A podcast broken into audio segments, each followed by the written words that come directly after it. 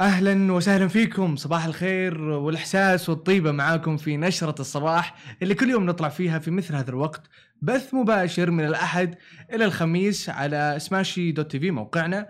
كذلك عبر منصاتنا في اليوتيوب تويتر والإنستغرام. معاكم في بعض الأخبار والمستجدات في هذا الصباح. أول خبر معانا اليوم اعتمدت وزارة الصحة ووقاية المجتمع الإماراتية تقنية DPI القائمة على استخدام أشعة الليزر للكشف عن الحالات المشتبه بإصابتها بفيروس كورونا المستجد. ويقوم الجهاز الذي طور في دولة الإمارات بفحص عينات من الدم وقراءة شكل الخلايا فيها لتحديد وجود التهابات كالتي يحدثها فيروس كوفيد 19 وكان مختبر كوانت ليز ذراع البحث الطبية في الشركة العالمية القابضة المدرجة في سوق أبو ظبي للأوراق المالية. قد أعلن في شهر مايو الماضي عن تطوير أداة جديدة تتيح إجراء مسح جماعي فائق السرعة يظهر النتائج خلال ثواني معدودة.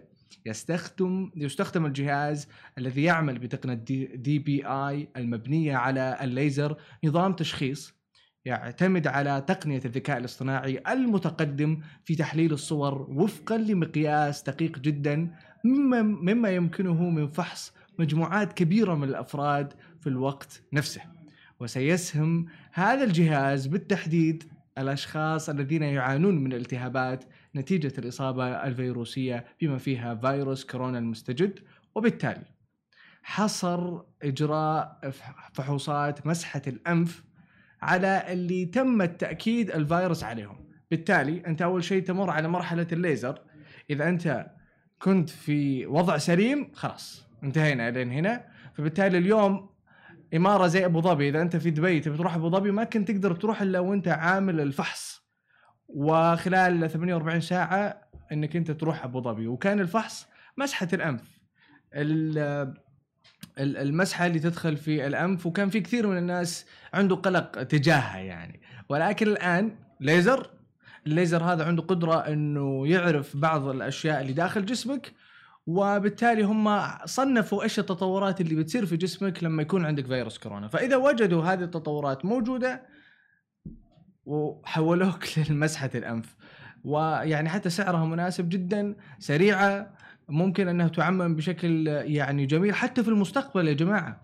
يعني في المطارات مثلا أو حتى في المناطق الحدودية الدولية. فبالتالي حيكون الموضوع أفضل في التنقل لأنه زي ما إحنا عرفنا الفيروس هذا انتقل من دولة إلى دولة. فبالتالي جهاز مثل كذا استخداماته عظيمة ومهمة ممكن تصير على مستوى أكبر وأكبر في المستقبل وشيء جميل إنه الإمارات فعلا كانت آه، هي اللي آه، ماسكة الموضوع هذا في داخل الدولة وسيتم البدء باستخدام هذه التقنية التي تعتبر سهلة الاستخدام وغير جراحية ومنخفضة التكلفة في عدة أماكن في الإمارات ضمن الإجراءات الاحترازية التي تتطلب إجراء الفحوصات بأعداد كبيرة.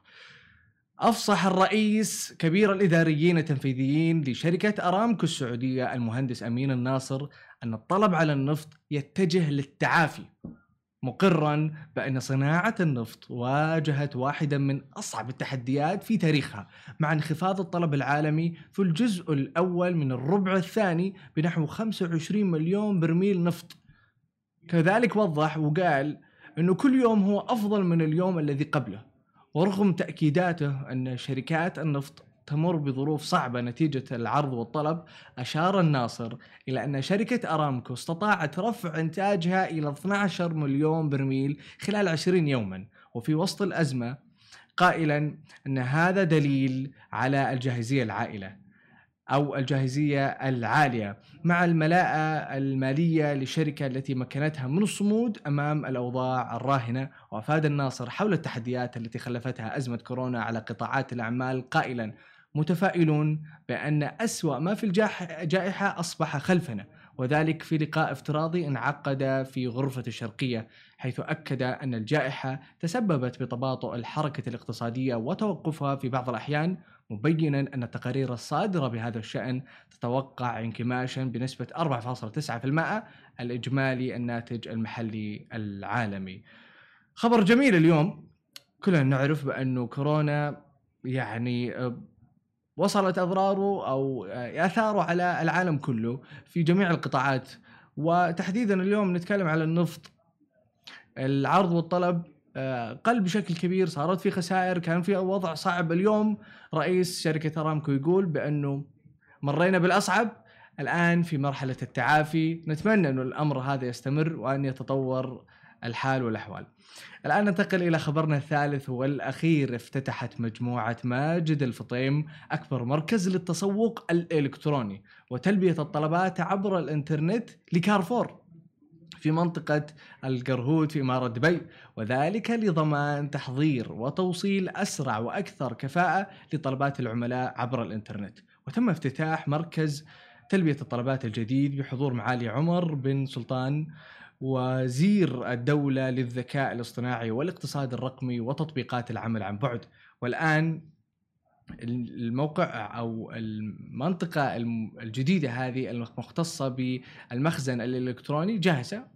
ويعني هذه خطوة جميلة جدا خصوصا أنها جاءت في هذا الوقت في إدارة الأزمات والكوارث آه، في دبي. اليوم نتكلم على أزمة كورونا. صار في احتياج كبير للطلبات عبر الأونلاين. كثير من الأشياء اللي اليوم صارت موجودة حتستمر إلى بكرة وبالتالي كثير من الأشياء حتتغير ما بعد كورونا. فالمركز الإلكتروني هذا أكبر مركز تسوق لكارفور في دبي يمتد على متن الطائرات التي تهبط في مطار دبي الدولي على مساحة 5000 متر مربع وتم بناؤه خلال خمسة أسابيع فقط.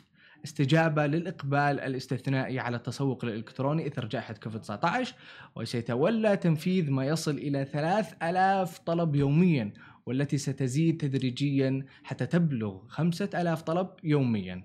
كما سيعمل المركز على مدار الساعة طوال أيام الأسبوع ويضم نحو 250 موظف. يعني شيء جميل اليوم إنه إحنا قاعدين نشوف كيف دولنا الخليجية العربية والعالم أجمع قاعد يتطور ويواكب المرحلة اللي اليوم إحنا فيها. في بعض الاحتياجات اللي طرأت فبالتالي قاعدين نتواكب معها وفي نفس الوقت هذه كلها أشياء ممكن نستفيد منها للمستقبل.